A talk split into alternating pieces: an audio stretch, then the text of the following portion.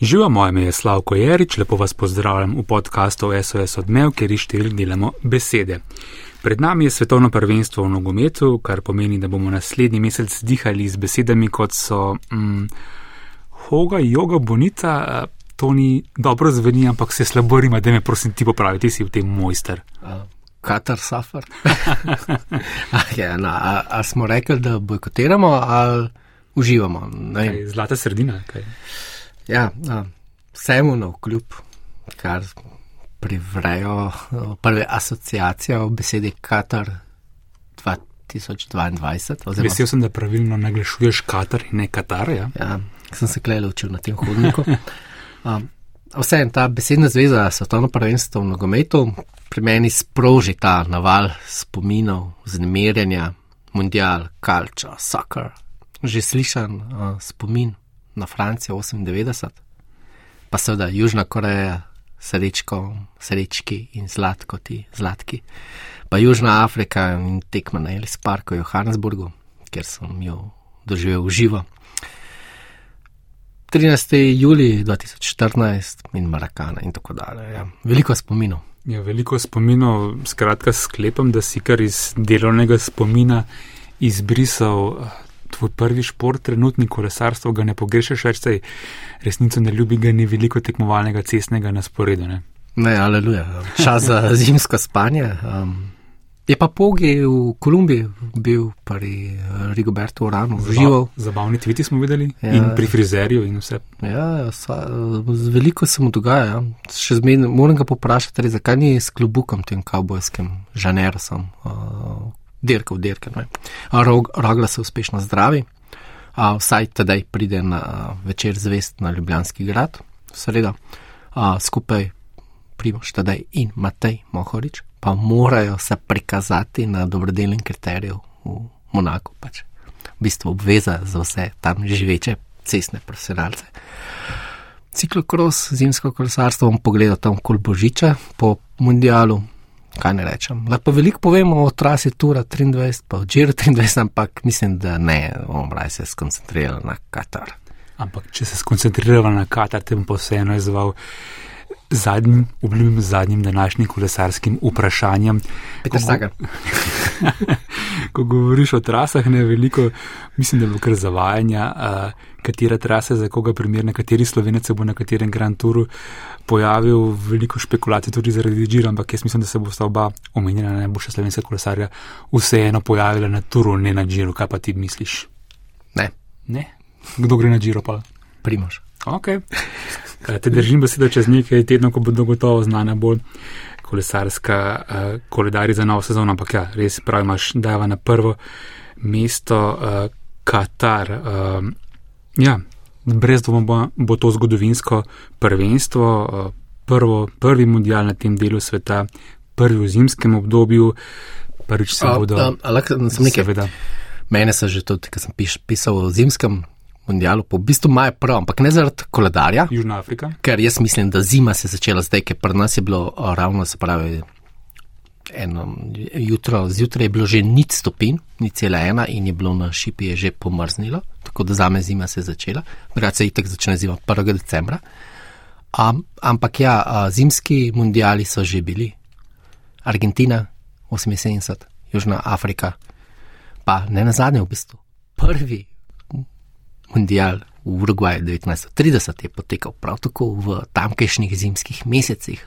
Zato imamo to ni tu, da vedno popraviš take napake, ampak ja, je pa nekaj novega v tem, recimo, modernem ustroju sveta, da vidimo, da nogometna državna prvenstva, ki toliko in toliko pozornosti nogometnih nadušencev prinesejo, da se prekinejo približno na tretjini prvenstva, to pa je nekaj novega, to pa upam, da se strinjaš. Ja, seveda, nekaj neobičajnega, da bomo gledali novembra, decembra, svetovno prvenstvo v nogometu. Veš, ko sem se pogovarjala, mi je bilo v glavi ta katar, da že več kot desetletje se mi zdi, da je že tako dolgo eh, ta odločitev znana, pa se mi je zdelo potem, da ne more biti. Pa se mi ti spomnim, da je že res več kot desetletje od te odločitve sporne. Ja, res je. Dejansko bo ravno med turnirjem minilo deset let, natančneje 2. decembra 2010 je zvršni odbor FIFA v dvojnem izboru, določil Rusijo in Katar za gostitelje SP 2018 in 2022.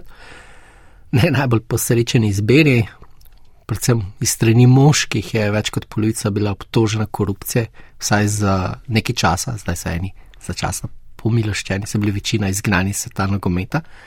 Zdaj se je glasil še Sep Blatter, intervjuju za švicarski domači dnevnik obtožil Platinija in francoskega takratnega predsednika Sarkozija. Čeprav to malo ne drži, no, ampak te bom še pisal, zakaj. A, ravno v sredo, ko to snimava, je išel na Netflixu uh, dokumentarec FIFA Undercover. In undercovered. Uh, in moram pogledati, sem že začel pogledati, sem se že 20 minut ne vem, da bi se na tale podcast pripravljal. Tako da ne bi verjel švicari čisto vsake besede.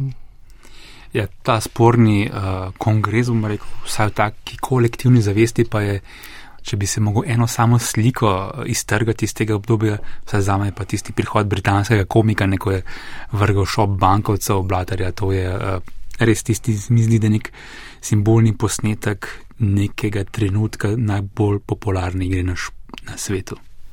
Ja, res je FIFA bila, upajmo, da je bila pač res vodena kot družina v negativnem smislu, kot organizirana kriminalna združba, pač kar je obtožuje FBI in SDA.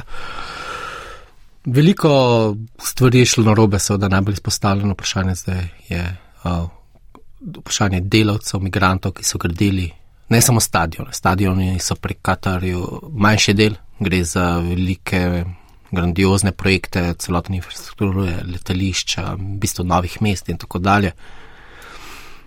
Veliko je bilo napisano tem in upravičeno, sam se spomnim, ko je Slovenija igrala v Katarju in je Dominik Maroh kritiziral in je videl, pač, ko so se pelali za, za reprezentančnim avtobusom, kako so bili zagrnjeni z rešetkami uh, te migranske delavce. Zanimivo, takrat naprej ni bil več v poklicu reprezentantov a govori pa za nemške lokalne medije.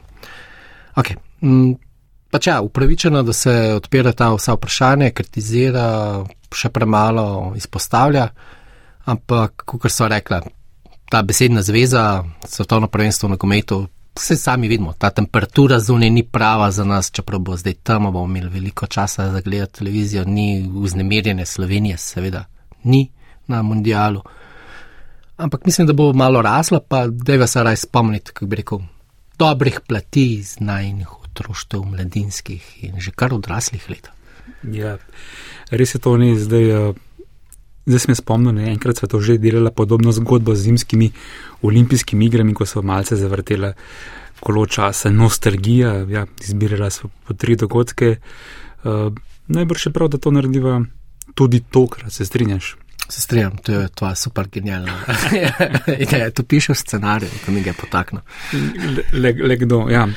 Potem sem premišljal sam, okay, če si lahko izberem prvi dogodek, da je težko izluščiti recimo en sam tak dogodek, recimo en sam zadetek, eno proslavljanje, eno afero, morda ne bi bilo napak, če bi si izbrala celi prvenstvene. In sam si najprej izbiram svetovno prvenstvo leta 1994 v Združenih državah. Amerike, ja, daleč tega, da bi bil takrat še majhen, da še ne bi poznal nogomet, ampak se zavedam, da je to prvo svetovno prvenstvo, ki sem ga tako res detaljno spremljal z izidi, z tekmami. Bili so pač v Združenih državah Amerike, kar nekateri tekmi so bili res dober termin, veliko sem gledal uh, in kar nekaj zgodbic sem se spomnil, recimo ena ti bo gotovo všeč, ne. Mislim, pa mislim, da se ne motim, da sem sploh takrat prvič v živo videl igrati Diego Armando Maradona ga poznaš. Ja, slišal sem za njega. Mislim, si ti, ker vem, da si velik poznavalec argentinskega nogometa, pa da ga predvidevam zelo ceniš, si njega pred dejansko ti videl veliko krat igrati v živo, tako na tekmah, ne vem, ali klubskih ali pa. Kar nekaj, ja. Pač, hvala Bogu za kapodistrijo. pa dejansko prvenstvo, no se bom prišel do tega. Jaz imam dejansko prve moje nogometne spomine na finale 86. Uh. A, zakaj pa dobro vem, da imam te spomine, zato ker pač so Nemci igrali v zelenem drevesu. Zdaj sem mm -hmm. se dolgo sprašval, kako to jaz vem, da so bili Nemci v zelenih drevesih. Pač vse ni bilo to čas YouTube, ki bi lahko takoj po Google, pa no, seveda, ni bilo interneta, da bi pogledal, da se spomnil, kakšni so bili uh, drevesi in pa tudi Argentina je igrala v teh progastih sinje modrih. Ja, če bi danes recimo Maradona bil aktiven nogometaš, ki bi igral najbrž v kakšni elitni evropski ligi, bi ga imel seveda zaradi razmaha ogromnega števila televizijskih ponudnikov priložnosti spremljati vsak teden, tako da bi ga prav gotovo dobro poznal, ampak uh, s tistim pregravanjem, neverjetnim čudežnim zadetkom mi se je zelo stisnil, v spomin, če se ga spomniš in potem seveda tista afera, mislim, da je bil suspendiran. A ki zdaj govorimo o 94, ja, ne, ne, seveda gol z prostega proti Grčiji, ja. potem tiste izbuljene oči, ki smo se vedeli, koliko je ura. Ja. Potem ga je tam una vampir sestra odpeljala iz igrišča Foxboro na doping kontrolo. Te dni, mesece je zelo uspredil zaradi vojaške agresije. Tudi Rusija v marsikaterem športu je suspendirana. No, na tem turniru se spomnim Selenka, ne vem, če sem ga potem še kdaj tako podrobno zasledil, da bi naredil dobro kariero, ampak ja, pet zadetkov na eni tekmi, to je bil res uh, nek zgodovinski dosežek. Uh, Gore dal samo še na ene tekmi, ja, in dovolj je bilo, da je bil uh, z uspehi na le dveh tekmah izbran, ne izbran, pač najboljši strelec prvenstva. Uh, zelo dobro se pa spomnim seveda tudi finala. Brazilci so mi zelo bili simpatični zaradi para Romario Bebeto, tako takrat sem spoznal tiste kateri so najbolj udarni uh, nogometni pari. Si moram priznati, da sem v tej igri Brazilije zelo užival do finala. Ti? Um, Brazilija ja, je bila zabavna. Um, jaz se spomnim tega prvenstva, predvsem, ker sem bil na mislim, kar dolgem taboru za te pridne učence. Priden.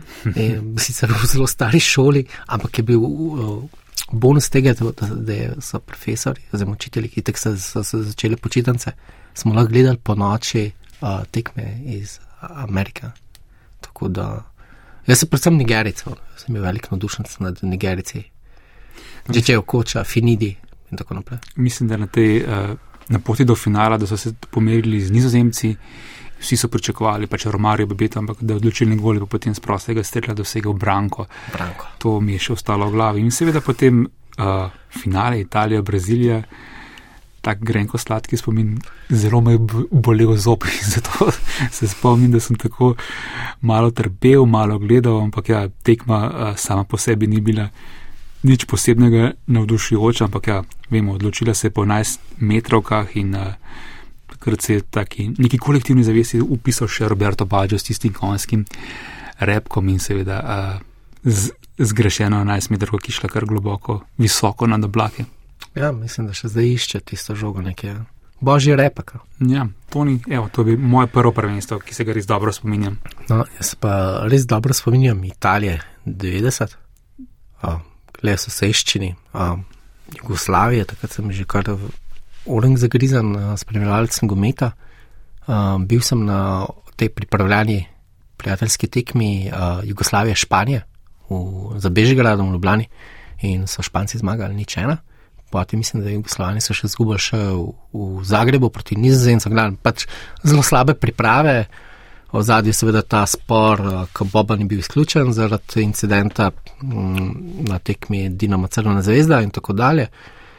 Ampak ja, Ivica 8, Svečko Katanci in tako dalje in se je verjel nekako. No. Ampak začel se je s tem polovom z Nemci, ki je bila katastrofa v Milano, 1-4, mislim, da bi bilo tudi 1-9 potem res prigarana zmaga proti Kolumbiji, proti Igviti, karizmatičnemu vrtarju, ena nič.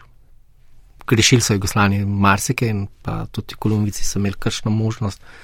Potem se je pa razbil, takrat sem pa res slišal za Združene Arabske Emirate. Ja, ja, in so jih štirena. Dobar. Potem pa spet Španci in res super tekmo v Veroni. Katanci je z glav podaljšal za vodilni gol Stojkoviča, ampak so se Španci hitro vrnili, potem seveda legendarni Pixie v prosti strel v podaljšku za zmago 2-1. Takrat je mi zanimivo, ker sem se prav pogledal, ker res me to spominul, da ni bilo benga belga dresa, takrat tisto tekmo se je igralo v Jugoslaviji v belih, sa plavi se je igralo v belih. In sem res pogledal se posnetek in pogledajte se, in je nenavadna taktika, da v žijem zidu Špancev ni bilo ni tenga Jugoslavana, Zubizareta, se pravi legendarni vrtar Barcelone in Španije je imel pregled jasen in je Pixi ga je preluknil. Neverjetno, mislim, redke so taki, po mojem, prosti, mislim, golo sta, ska plaska streljen, po mojem, ne more biti več. In potem seveda nesrečna, vesela četrtfinalna tekma z Argentino. Argentinci niso imeli za burek, Jugoslavani so z igralcem manj dominirali, ampak ga niso znali zabiti, glavno res obupno, neučinkoviti so bili. Ja. Nič, nič v Ferencah, pa ti pa penali. Ja. Spomni, spomniš tega, nič. Spomnim se poslušanja po radiju, ne, po, ne v živo po televiziji, ampak mm. predvsem po radiju. Tega no. se spomnim. No, po 3-2 izid je bil po 11 metrovkah za Argentino. Ivkovič, vrtar Jugoslavije, sicer ubranil penal Maradoni, ampak že predtem v prvi strelec je bil ravno Pixi Stojkovič, je zatresel tisto prečko, da se je še dolgo tresla. Uh, veliki nesrečnež na koncu je bil pa Faruk Hadžibegič, ki mu je že Igvita ubranil na tekmi proti Kolumbiji, mu je branil 11 metrov, in poti zdaj mu pa še Gojko Čeja, v bistvu veliki argentinski junak tega prvenstva, v bistvu prvi vratar si je zlomil nogo in bil rezervist, v bistvu na začetku pripravil celo tretji vratar in tako naprej. In je privlekel v bistvu Gojko Čeja. Pa Kanidža na podaji Maradona sta privlekla Argentino, branilko, naslova do finala. Drugače bi pa ful zabaven prvenstvo. Ta vojna med nizozemci in Nemci, ki je Rajkard pluval, pa to, pa Rudi Feller, pa Kamerunce. Sem, mislim, vedno sem bil za Afričane, no. Kamerun je bil tam, kjer smo la proti Angliji.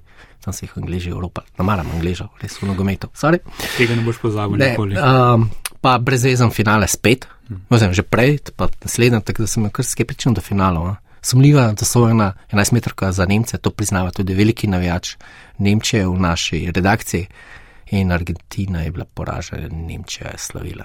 Ja, tik ob koncu tekme z teh eh, prvenstv iz 90-ih let, zdaj, ki si tudi omenil nekatere južnoameriške reprezentance, pa vratarine, samo še tako vizualna asociacija, da so mi zmeraj pogosto, ne bom rekel vedno, v glavi ostali karizmatični vradari z drugačnimi dresi, nekateri kričeče barve. Ja, tudi, tudi zaradi tega eh, tako rad spremljam vratarje. No, sam za svoj drugi spomin bom šel precej manj v preteklost, zdaj tisto, kar se spomnim, tudi zelo delovno v najnih službah, to je svetovno prvenstvo 2014. Eh, prvenstvo v Južni Ameriki, spet ja, Braziliji, uh, če se najbolj spominjam, seveda gotovo velikega pričakovanja domače javnosti, da nekako revanširajo tisti spomin na prejšnje edino domače prvenstvo leta 50, ko so imeli naslov že na dosegu roke, pa jim je spozel, tem bo verjetno še kaj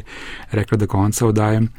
In nekako tako ti bolj spremljaš južnoameriški nogomet, se mi je zdelo res morda najbolj neprimernih trenutkov, da Brazilija doma napada naslov prvaka, ker se mi zdi, da ta reprezentanca ni daleč tega, da bi bila res sposobna ali pa da bi bila dovolj kvalitetna, da bi zabavala in doma prispet, usvojila naslov, če se spomnim, večji del prvenstva bo kar mučenje, da so se potem prebili do polfinala. Kako se ti to Brazilijo dosti pač Dunga. Ja. Pač Dunga je bil, kakršen bi igralci, bil tudi uh, selektor, pa pač igral je na svoje adute. Že, že, takrat nisem imel tazga nabora talentov, pa tudi raznovrstnosti, ki jo imajo v tem trenutku. O, pa seveda, glavna stvar pri njih je, da osrednji napadalec in takrat je bil številka 9, je bil Fredž, ki je bil žal, drugače je bil zelo dober igralec napadalec, ampak za pač te argentinske klube, mislim, brazilske klube in za celinska tekmovanja, ampak ni mu bilo usvojeno. Po bistvu je še kar to sprnes, ampak ja. Bilo je mučanje, sem po drugi strani, naprej, pač, če gledaš vse. Uh, ne, 2006 Nemčija, se je tudi Nemčija kar mučila, ali pa Francija 98 je zelo poprečno začela, z nizka pričakovanja in tako naprej. No. Tako to, nekaj zmag po podaljških, če se spomnim. Ja, ja, tako da to ni nič neobičajnega spet. V bistvu, kle se pri njih se vidi naprej, prednost domačega terena.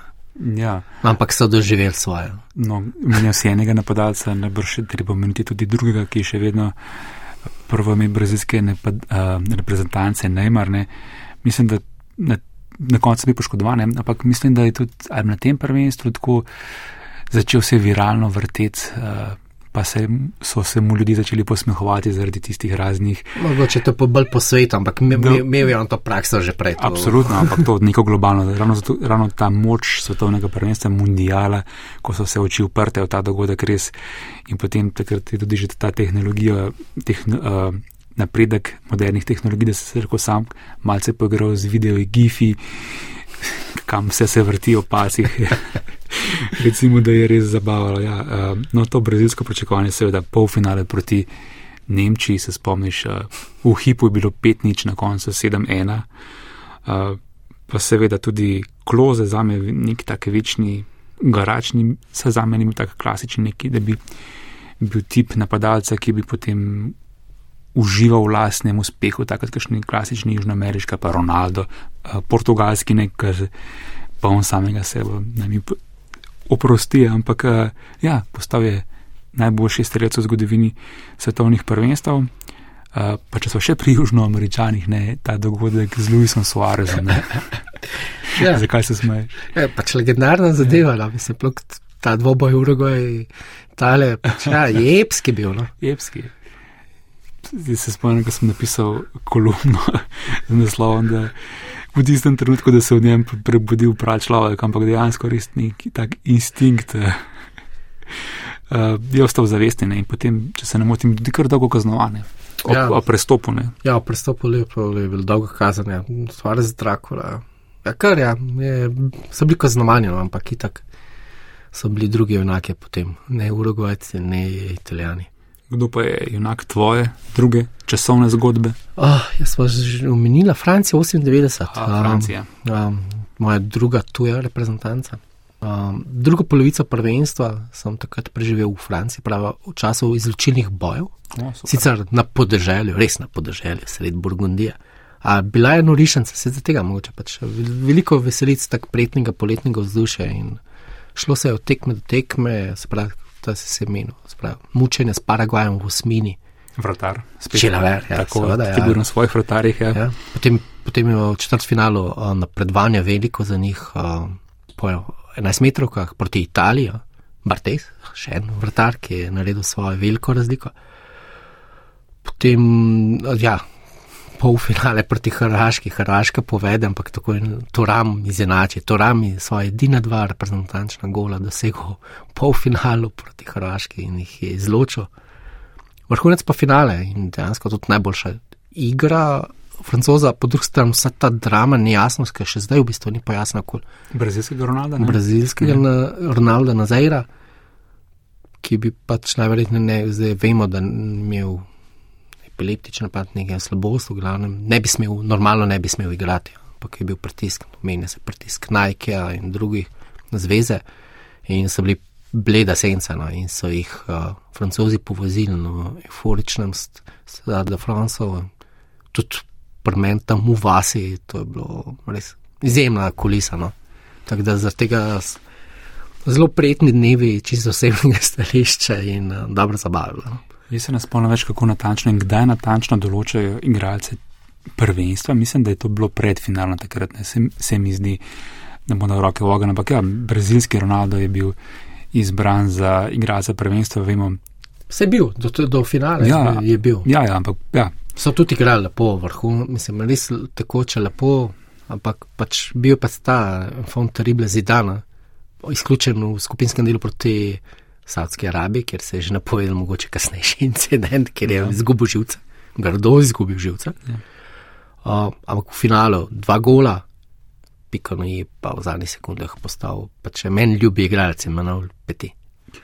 Želim samo podariti, ja. da se je potem ta niz nadaljeval tudi štiri leta pozneje, leta 2002, ko sta bila v finalu Brazilija in Nemčija ja, in je bil nemški zvezdnik izbran za igralca turnira, razplet pa je bil malce bolj drugačen. Um, ja, prečemer Balak ni smel igrati finala zaradi nabranih kartonov in potem je to v bistvu prevedlo do spremembe pravil, tako da v bistvu take situacije zdaj več ne more biti, razen če je igralec po finalu izključen neposred, z neposrednim rdečim kartonom. Ne, da bi bil moj spomin kaj uh, šibakno, sej ravno močani, ampak je za zadnjo zgodovinsko uh, istočnico se bom zelo malce vrnil preteklost 2018. Uh, prvenstvo v že prej omenjeni Rusiji. Uh, to nekaj je bilo zabavno pri tej percepciji, ne recimo Brazilija, pa Rusija, obe veliki države, ne, ki so se enkrat pogovarjali, sem za slabe uh, stališča pa prvi tega prvenstva ti navedel velike razdalje, ko smo veliko govorili, Brazilija, ogromna država, pa sem potem seveda tako pravilno popravil. Ja. Ampak v Rusiji so pa še precej večje razdaljene. Tega nekako, saj sam nimam toliko zavesti, kot da bi bila v spredju ta zahodni evropski del Rusije, ampak ja, te razdalje so bile res. Ne, se so omejili. Mislim, da je bil v Ekaterinburgu, da je bil najbolj vzhodno ja. mesto. Ja, tako je edini na, na drugi strani Urala, pa ti smel kazati in tako naprej. So umili na centralni evropski del, ravno namenoma. Če primerjamo prvenstvo iz 2014 na 2018, eno tako zanimivo uh, opazovanje, potem globalno iz ozadja mi vedno kaj novega prinese prvenstvo. Ne? Mislim, da na 2014 je bila taka v navednicah velika sprememba, tisto sodniško razpršilo, kaj nekaj novega prineslo, ne potem 2018 je bil pravi bum z varom, ki ima res ogromne posledice tudi danes v klubskem eh, nogometu. Eh, rekordno število 11 metrov je padlo, ogromno zadetkov je bilo po 90 minuti, se še prav preveriti, mislim, da je bilo 23 eh, slovenskih nogometašev ni bilo, so bili pa prvič slovenski sodniki. In ko si že prej omenjal prejšnjo tvoje prvenstvo, Hrvaško presenečenje, tukaj šla pa Hrvaška še korak dlje do, fin, do velikega finala, ker je izgubila s Francijo. Ampak ja, ta Hrvaška se mi zdi, da ima tako res lahko ima velike oscilacije v svoji zgodovini, ampak res tisti maksimalni dosežek, radi si primerjamo Slovenijo, Hrvaško tudi na tem področju, ampak na ta zgornji maksimalni domet je, pa se vidi, da so lahko svetovni prvaki. Če smem. Um, v nogometu pa mislim, da se slovenci ne smemo, ne moremo primerjati s Hrvati, ne zgodovinsko, ne z dosežke. No, pač realnost je taka, od vekoma, od resnega začetka igranja nogometa, vse se bomo še dotaknili, ali pa lahko že preskočimo, ali ne. No, in še dodam pri Rusiji, rekordno število. Kdo je bil prvi strelec uh, uh, prvenstva v 2018? Oh, Hurricane? Ne, ne avtogol. Ah, bravo. 12 avtogolov. Tudi, tudi to je bil uh, rekord. No, pa tvoja zadnja zgodba, časovna. A časovna, ja, sva rekla, da je to povedati. Ja, časovna, tisto, kar smo mi doživeli. No. Bomo se vrnili k Sloveniji, Hrvaški in Srbiji. Da končava to poglavje. Ja. Uh, Južna Afrika 2010. Um, kot novinar sem pospremil kvalifikacijo, uspešne kvalifikacije, te danje čete izbrane Matjaža Keka. Sprav, z Matejem Marijovcem sva šla v Bratislavo, tako izvrstno gostovanje, mislim, da najboljša gostujoča tekma Slovenije na resnih tekmah. A, tipkala sva tam v enem študentskem domu na hodniku celo noč. A, bila, bila sva v San Marinu, pa smo tam skupaj novinari, pa fotografi, malci smo z, z okol reprezentantov zbranih okroga čakali na. Mislim, da je celo na naslovnici ekipi bi bil tvoj šal. ja, mislim, da je kar faca se videla, kar da zgleda, da sem tam zdraven, delo osebe, a skoraj. Ja. Dinkrat mislim, da moja naslovnica, da sem na naslovnici ekipe. Bil sem pa že na naslovnici dnevnika, ampak v drugih vlogi eri, ne kot novinar. Uh, ja, smo čakali informacije iz Polske, če bi se kakšno presenečenje na tekmi Slovaška-Polska se zgodilo. Potem so da te znamenite dodatne kvalifikacije z Rusijo, Maribor in tako dalje. Glavnem, ja. um, službeno nisem šel v Južno Afriko, ampak sem zauzeto tukaj delal, ampak nekako malo po navdihu, imel sem rano svoj 30. rojstni dan, pa to, pa sem stisnil eno menjavo in sem prišel do kart za let in vstopnic za Slovenijo, ZDA. V Johannesburgu, Ellis Park. Pač, mislim, da vsi spremljalci nogometa se spomnim te dirke. Tudi moja krivda je, ja, da so američani izenačili. Na začetku sem bil še z dvema slovencama, samo na zgornji tribuni sredi morja američanov. Je bilo kar malo napeto, uh, so nas mogli v bistvu ameriški novijači, ampak v resnici južni afričani vzeti pod zaščito brez heca. Po izteku prvega polčasa in potem smo se odločili, da mogoče pa boš gremo mi slaviti, poiskati druge slovence.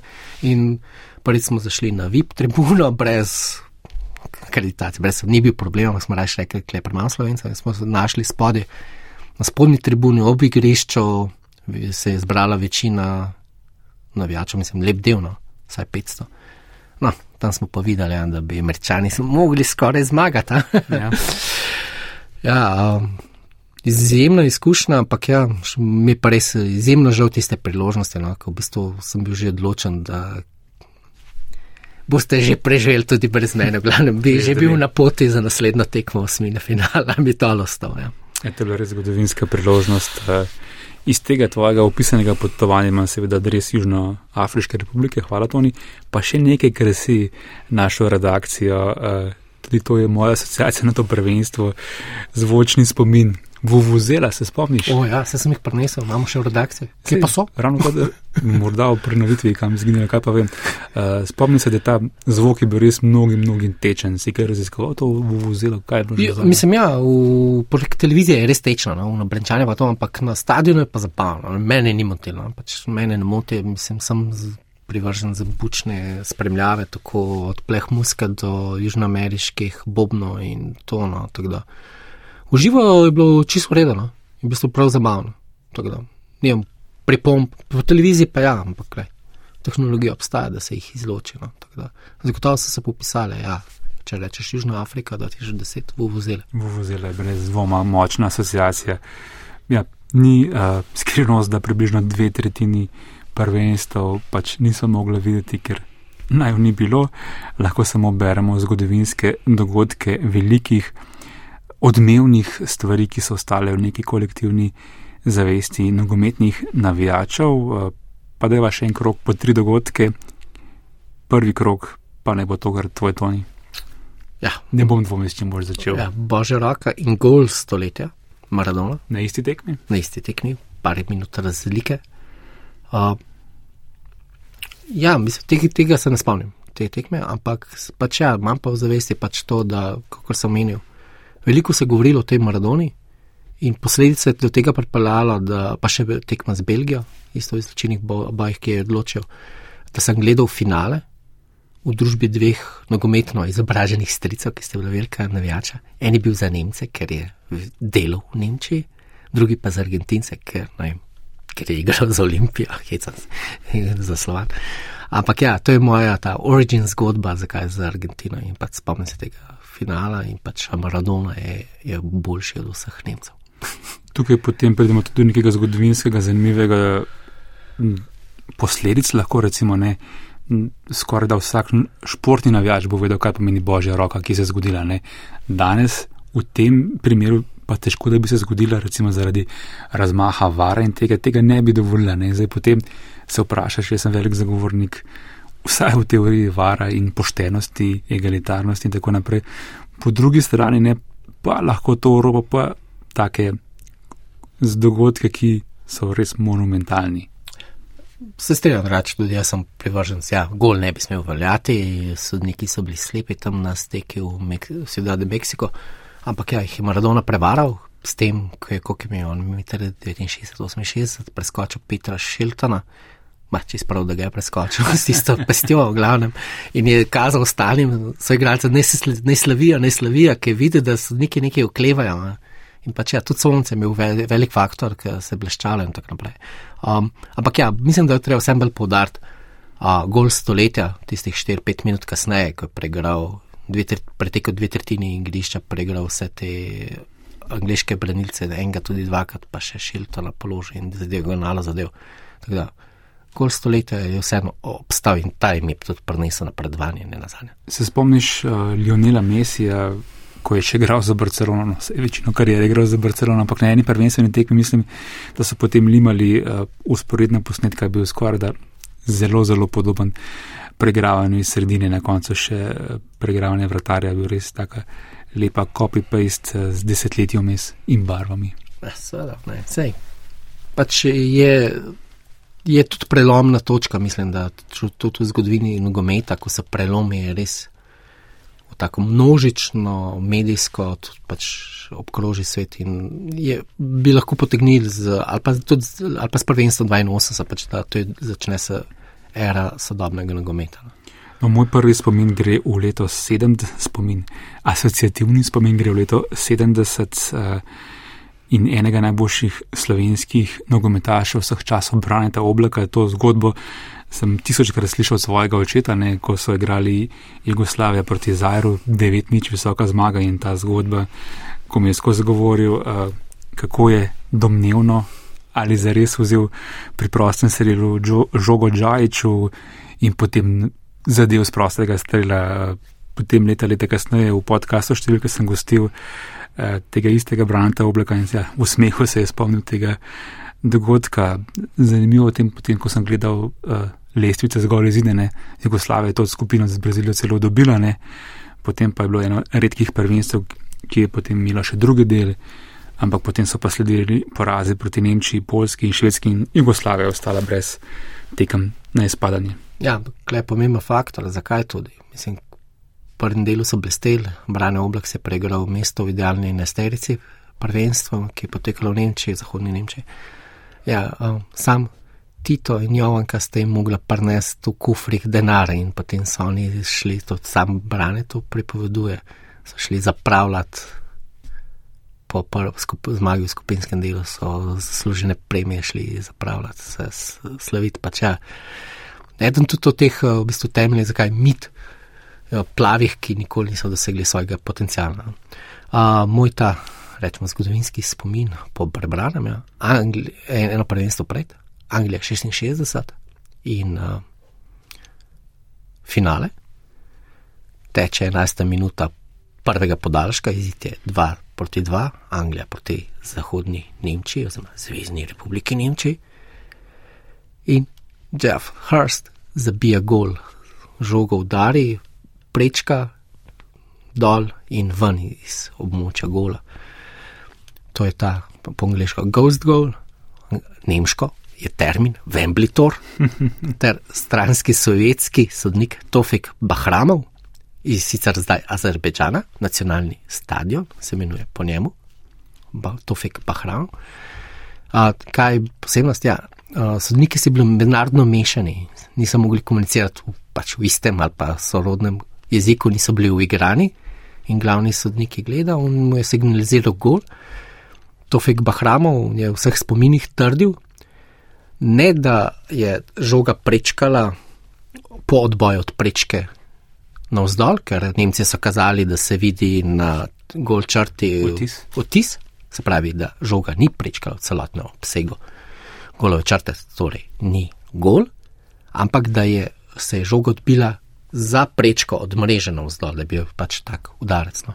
Uh, še vedno sporen po vseh analizah nemških računalniških strokovnjakov, seveda, ni bilo gola. Da, ampak še zdaj, ja, Vemblitor, to je gol, ko od prečke se zabija navzdol. Mislim, da so to ono prvenstvo tazga zabil Lampard v Afriki. Ja, takrat se je potem spet oživela to. No, jaz grem za drugi spomin še. No, a to je rešila uh, tehnologija, gol, out črte, golove mm -hmm. črte, no, tako je pravilo slovensko. Še eno prvenstvo, prej leta 50, omenjala sva že prvo svetovno prvenstvo v Braziliji edino svetovno prvenstvo, ki ni imelo klasičnega finala, eh, zmagovalna prvenstva, skupina za naslov prvaka, štiri ekipe, pač slučajno se je tako išlo, da na zadnji tekmi sta med seboj igrali Brazilija, Uruguay in zmagovalec uh, bi postal prvak oziroma gostiteljem je zadoščal uh, tudi remi, povedali so, vsi so se že videli v naslovu, uh, z naslovom prvaka, mislim, da je celo to mislim, da gotovo je to bila največja uradna izmerjena število gledalcev na tekmah svetovnega prvenstva. Vemo, da se je potem končalo z urugvajsko zmago 2 proti 1, nekaj ljudi je umrlo, padlo iz eh, tribun. Eh, mislim, da ti, ti še veliko bolje poznaš te legendo, zgodbo. Odločitev eh, tamkajšnje nogometne zveze in barovi dresov. Ja, potem niso več, mislim, dejansko mislim, da so vse še ne parkrat igrali, ampak ja, beli barvi so igrali. No, takrat se je opustil belo barvo in se je igral v Romunijo. Uh, pa tudi ta vrtar, zelo zdaj se pa nam spomnim, bi mogel pogledati, kako je že vrtar.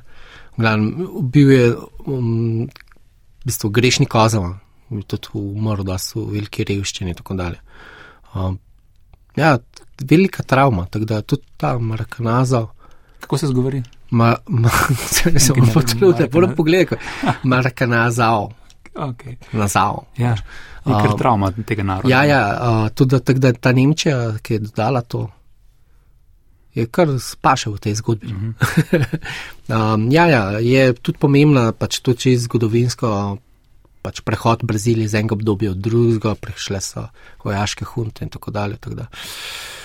Ampak so rešili oni to nogometno, seveda s prihodom Peleja in trikratnim naslovom prvaka z, pod njegovim vodstvom.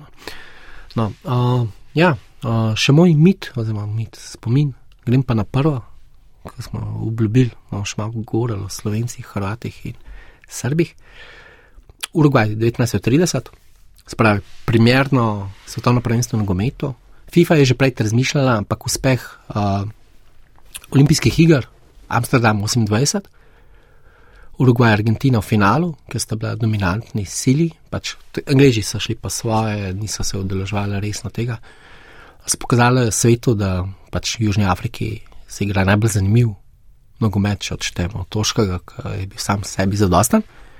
In je FIFA organizirala, in nekako se je prišlo, da je logično, da Urugvaj kot olimpijski prvak gosti to prvenstvo, in potem so FIFA ponujala, Urugvajci plačevali stroške, pa ni bilo zanimanja pri um, Evropejcih, pač izbruhnila je seveda velika gospodarska kriza 29-30, ki je bila v bistvu najhujša gospodarska kriza 20. stoletja.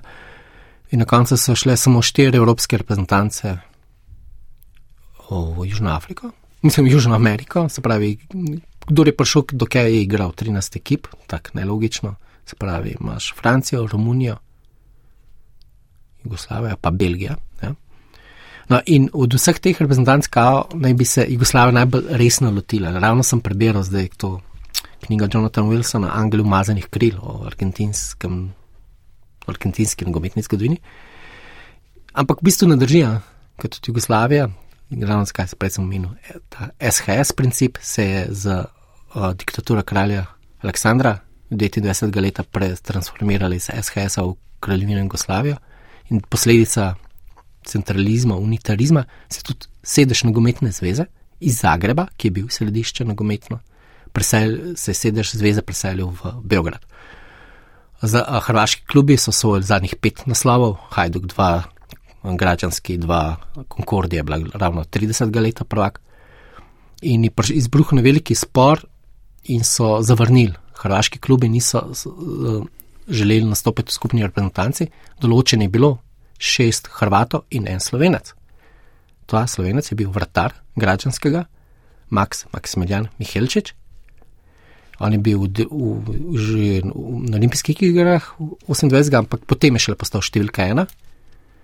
In uh, pač prišlo je do tega, da na koncu šli samo Srbi, se pravi, samo igralci uh, srbskih oziroma beogradskih klubov. No. In iz tega potem pač se marsikdo si je pogledal to serijo Montevideo, Bog te video, pod film, mislim, absolutno za pogled, zabaven, pa to. Ampak ja, tudi notri so neke miti, naprimer Srbijo zima, orlovi. Pač, ko potem v bistvu ta ikonografija, ki zdaj Srbi imajo, v bistvu izvira iz te reprezentance. Ja, ni bilo tekme za tretje mesto z američani, ampak so američanom UEFA, ne UEFA, FIFA, uradno določa zaradi boljše gol razlike, da so bili američani tretji, jugoslavani pa četrti. Je pa seveda, ti si neki že, kaže, miti pa legende. Ja, zdaj, jaz moram priznati, za zadnji dogodek uh, si ga nisem izbral, ampak sem kar tebe kot Joker izbral, ker si res odličen v teh mitih in legendah. Ne. Dogodki, ki imajo recimo take dogodki, ki smo res dolgo v zgodovini, pa olimpijske igre, ki so še malce dlje, ko potem po stoletju brskaš res neverjetne zgodbe, izbrskaš in se vprašaš, kaj je morda res, kaj ni. Recimo ena mojih najljubših olimpijskih zgodb je to, da so bile nekoč umetnostne kategorije del olimpijskih iger, ne v literaturi, kiparstvo in to. Take stvari so preverjene, ampak ti si v nogometu malce bolj močan, zato imam pa zate dve vprašanji, če je res mit ali legenda. Ne. Pred nekaj dnevi sem na Twitterju zasledil zgodbo o indijskih nogometaših, ki naj ne bi uh, v 50 letih igrali na prvenstvu, ker, niso, ker ne bi smeli igrati bosi. Mit ali legenda? Resnica. Ja, to je bolj mit, no, uh, ki ne drži. ja. Indija se je pregrala na stopu v Braziliji 1950, ampak tako se je pregrala, da ni bilo nobenega nasprotnika na tekme, preprosto po vojni ni bilo denarja in so se vse ostale azijske države umikali in Indija se je kvalificirala. Ni pa želela, ni pa odšla, ker se je tako odločila njihova nogometna zveza, ki je takrat preferirala olimpijske igre, ker uh, v Londonu 48. leta so Indijci skoraj premagali francoze, francozi so šli po preobratu zmagali z 2 proti 1 in pač so želeli olimpijski uspeh. Brazilija in FIFA sta ponudila Brazi, uh, Indicem uh, povračilo vseh potnih stroškov, nastanitev in tako naprej, ampak ni, ni povezan s čevlji, v bistvu to bosi, ne bosi, so pa oni pa že pred drugo svetovno vojno odločili se, ko so igrali v Angliji, po, po Evropi, kot takrat reprezentanca še kolonije. Um, da v bistvu se odloča glede na vremenske uh, pogoje. Kao, pač v mokrem terenu s čevlji, v suhem, bos in tako, pa poti ta kapetan tedanje reprezentance prizna, potrdil, da ni bilo to nič povezano z nobeno prepovedjo, da tudi znotraj so se igralci odločili pač glede na vreme in na pogoje igrišča. Kaj pa leta 30, da naj bi sodnik dal gol? Sodnik ne, Um, je pa ne, tako, spet, zdaj pa gremo k Jugoslovanom, polfinalu z Urugvajem. Um, Jugoslavija je bila konkurenčna prve minute, povedala, Urugvajci povedali 2-1 in potem so Jugoslovanom uh, razveljavili gol in potem v naslednjem, neupravičeno, bojda. In v naslednjem proti napadu Urugvaj povede 3-1, pri čemer naj bi žoga že zapustila gol-out črto, a naj bi odbila ali pa naj bi, kar je še bolj verjetno, gledano spretnosti južno američano, da je kar policaj, policist, no, pardon, policist v uniformi podal nazaj in so Urugvajci zabili za 3-1, sledijo razpad sistema in eh, Urugvaj je zmagal, dobil v polfinale šestene in potem tudi zmagal v velikem finalu prvega svetovnega prvenstva proti Argentini, pa To pa drži, da se je igral prvi polčas z argentinsko žogo, drugi polčas pa z urugvajsko žogo. In kaj je seveda, če se pogleda izid, ja, obrnili se je in finale pripadal 4 proti 2 urugvajcem, ki so izkoristili svojo žogo. To me le zanima, kakšne v resnici bile velike razlike v tistih dveh žogah. Evo, vse poslušalce vabim, da zajadrajo na našo spletno stran, kjer imamo tudi posebno zgodovinsko rubriko. Vse svetovno prvenstvo s Stonijem pred leti upisala podrobno vsako prvenstvo posebej, tako si ga le eh, pregledajte vse te članke. Čisto veliki finale, hiter finish, da končava 3x3 krok. Eh, čisto kratka vprašanja, teze, Toni, kdo bo svetovni prvak? Argentina. Argentina. Francija. Kdo bo najboljši strelec? Mbappé. Neymar. Kdo bo pripravil največje presenečenje? Hrvaška je to še presenečenje, potvorak, finalist lige narodov. Ne. Um, mogoče eden iz tega trojčka, Hrvaška, Belgija, pa Kanada, Kanada. Danska. Evo, to je bil res hiter krok. Uh, poslušalci ste navajeni, da epizode končujejo številko zanimivosti, ki je povezana s številko epizode. To je lepa številka 92, Toni.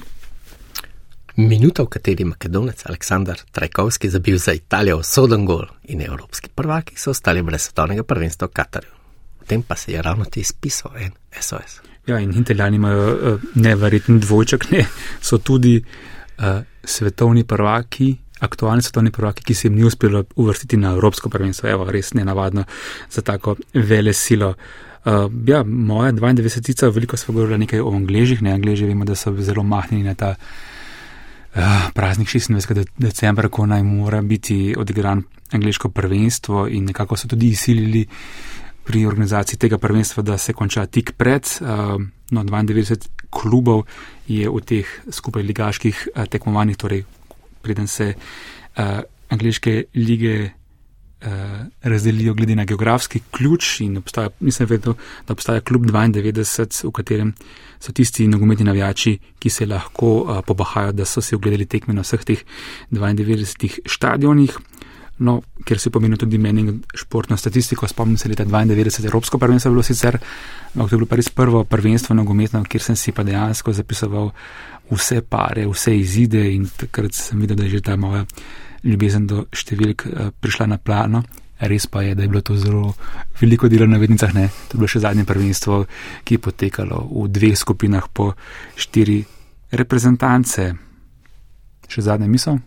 Eno, če to 92 poprečje med Italijo, ja. 90 in ZDA 94. Jaz pa iz Italije spomnim še več. Uh, nisem igral v otroštvu veliko iger, ampak vem, da so mi starši kupili tako neko preprosto, v roko prijel si neko konzolo, res z dvima prstama in si neko žogo nabil v zrak. In sem bil v srečo pa z logom Italije 90 in si žogico nabil v zrak, sem bil zanimalo me, kaj se zgodi, ko prideš do konca kot 999 krat odbiješ žogo v zrak, kaj se bo zgodilo s točkami, in kaj se je zgodilo. Skočilo na nič točk, sem bil vse razočaran, kaj bo zdaj. Ampak ja, e, to so ti moji spomini. Vsekakor pa lahko povabiva vse poslušalce, e, da spremljajo bogatemu sporedu na RTV Slovenija. Vse tekme bodo v neposrednem prenosu na televiziji 2, bogat spored prinašajo tudi kolegi na valu 202 dnevni podcast, žoga je okrogla, ampak bogate vsebine tudi na naši spletni strani, Nostradamus, številne druge rubrike in eh, ja, tudi mi dva bova skušala narediti eh, malce več epizod med samim prvenstvom. Ne. Ja, se bom potrudila, da bomo, moramo še malo določiti, ampak ja, se bi probalo oglasiti. Seveda pa ste povabljeni, da svoje vtise lahko delite tudi z nama, tudi morda kakšno vprašanje za športni SOS. Moj naslov je slavko.jeric afna.rtvslo.si moje pa toni.gruden afna.rtvslo.si. Hvala in se slišimo zelo k malu. Naslišanje. Vamos ali.